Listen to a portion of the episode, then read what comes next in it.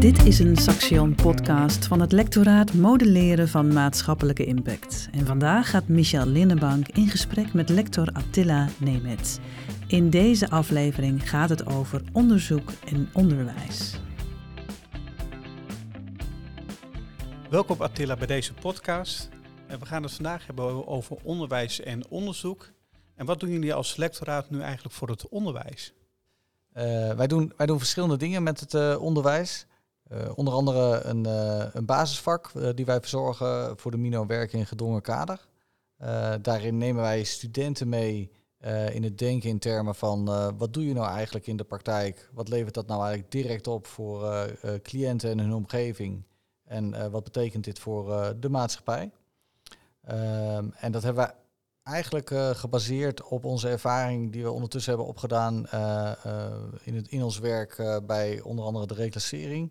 Waarin we in verschillende werksessies met enige regelmaat op zoek zijn naar wat doet de reclassering, wat levert dit op aan directe effecten en neveneffecten. En wat betekent dit voor de maatschappij? En eigenlijk diezelfde methode die we in die werksessies hebben ontwikkeld en, en opgebouwd, hebben we nu vertaald naar een, een stuk onderwijs. En, en waarom is dat belangrijk om dat juist dat deel te vertalen naar het onderwijs? Nou, wat wij, wat wij merken in de praktijk is dat studenten, tenminste nee, dat, dat professionals, ehm, erg enthousiast worden van het doordenken van dat wat zij doen.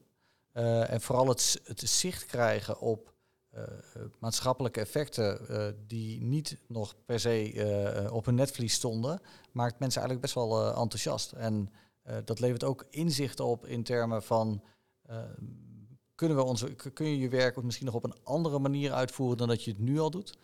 Uh, en zeg maar dat soort basisideeën ja, proberen we eigenlijk terug te vertalen naar het onderwijs.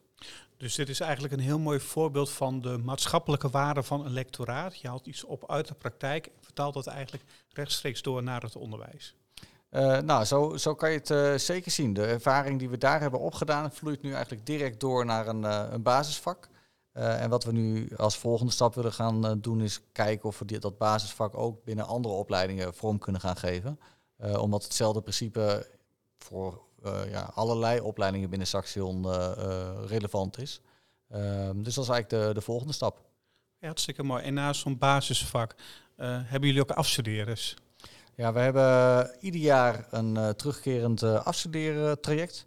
Um, de gedachte achter, achter het traject wat we uh, hebben opgetuigd is dat we een aantal thema's definiëren ieder jaar. En we, we, nodigen daar studenten vanuit verschillende opleidingen voor uit om daarop in te schrijven. En dan krijg je eigenlijk hele mooie ja, gemixte groepen studenten vanuit verschillende opleidingen.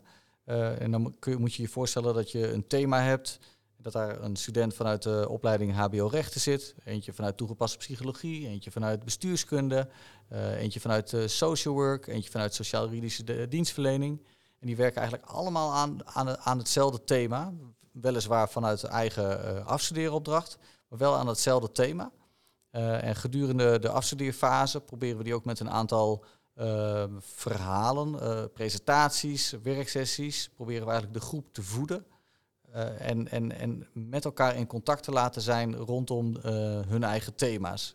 Waarbij het dan volgens mij heel interessant is dat je als student ook met studenten vanuit andere opleidingen actief in contact bent, die eigenlijk een andere taal spreken dan, dan jezelf.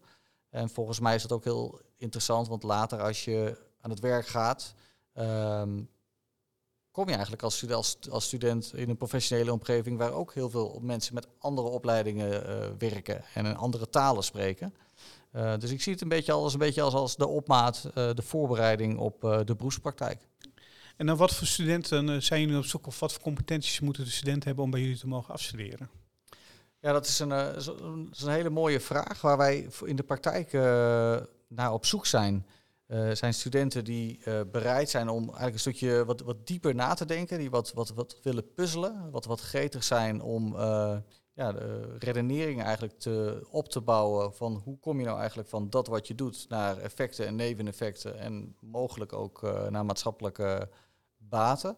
Um, daarbij wil ik wel benadrukken dat we echt niet per se van iedereen vragen dat ze alle redeneringen die, eh, die e- relevant zijn door moeten akkeren. Vaak zoomen wij in op een, op een selectie, op, op een stukje van de grote puzzel. Maar we vragen wel eh, mensen die het interessant vinden om, eh, om te puzzelen.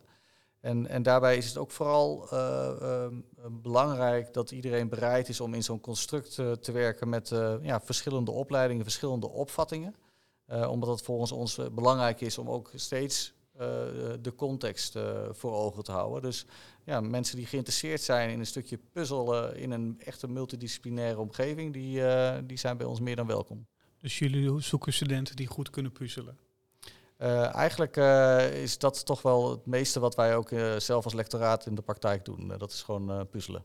Puzzelen, oké. En naast het puzzelen met studenten, geven jullie ook nog gastlessen voor mensen die meer willen weten over maatschappelijke impact?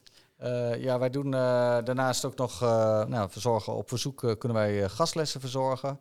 Um, um, we zijn ook regelmatig opdrachtgever voor kleine, kleinere studentprojecten.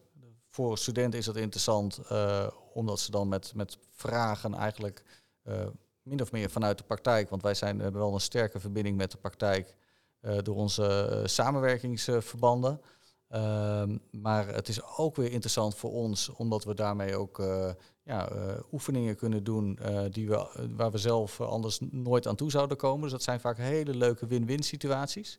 En ehm, we hebben in het verleden ook bijvoorbeeld een onderzoekslijn in een master vormgegeven. Dus ja, we in, in, ja, naast dan eigenlijk de, de hoofdpunten doen we ook nog een aantal andere activiteiten. En zijn er dan ook nog dingen die jullie nu niet doen in het onderwijs, maar die jullie eigenlijk wel zouden willen doen? Nou, waar we nog mee, mee bezig zijn, is eigenlijk nog het, meer het leven lang, leven lang leren in te vullen. Ehm, en de, de, de, concepten die we dan die ik net heb genoemd rondom het in kaart brengen van dat wat je doet en wat levert dat nou eigenlijk direct op en wat betekent dat voor de maatschappij. Uh, en de, de trainingen daaromheen zouden we eigenlijk nog een soort training voor professionals willen gaan maken, die we ook gewoon openzetten en mensen zich daarop vrij kunnen inschrijven. dus dat is iets waar we, waar we zelf nu op dit moment werk van maken. Dus jullie als lectoraat doen naast onderzoek, zijn jullie ook heel erg druk bezig om het, jullie opgedaande kennis, om dat dan ook meteen rechts vertalen, om dat door te vertalen naar een onderwijscontext. Zeker, dat is uh, uiteindelijk ook een van onze uh, opdrachten. Uh, en ja, op deze wijze proberen we daar een, een, invulling aan te geven. Nou, hartstikke mooi. Dus als studenten zijn die van puzzelen houden, dan kunnen ze je altijd bellen of mailen. Heel graag. En als mensen meer willen weten over maatschappelijke impact, dan kunnen ze ook met je contact opnemen. Zeker. Hey, hartstikke bedankt voor deze mooie inzichten. Dankjewel. Dit was een Saxion-podcast van het lectoraat Modelleren van Maatschappelijke Impact. Voor meer podcasts bezoek de website van het lectoraat op www.saxion.nl/mmi.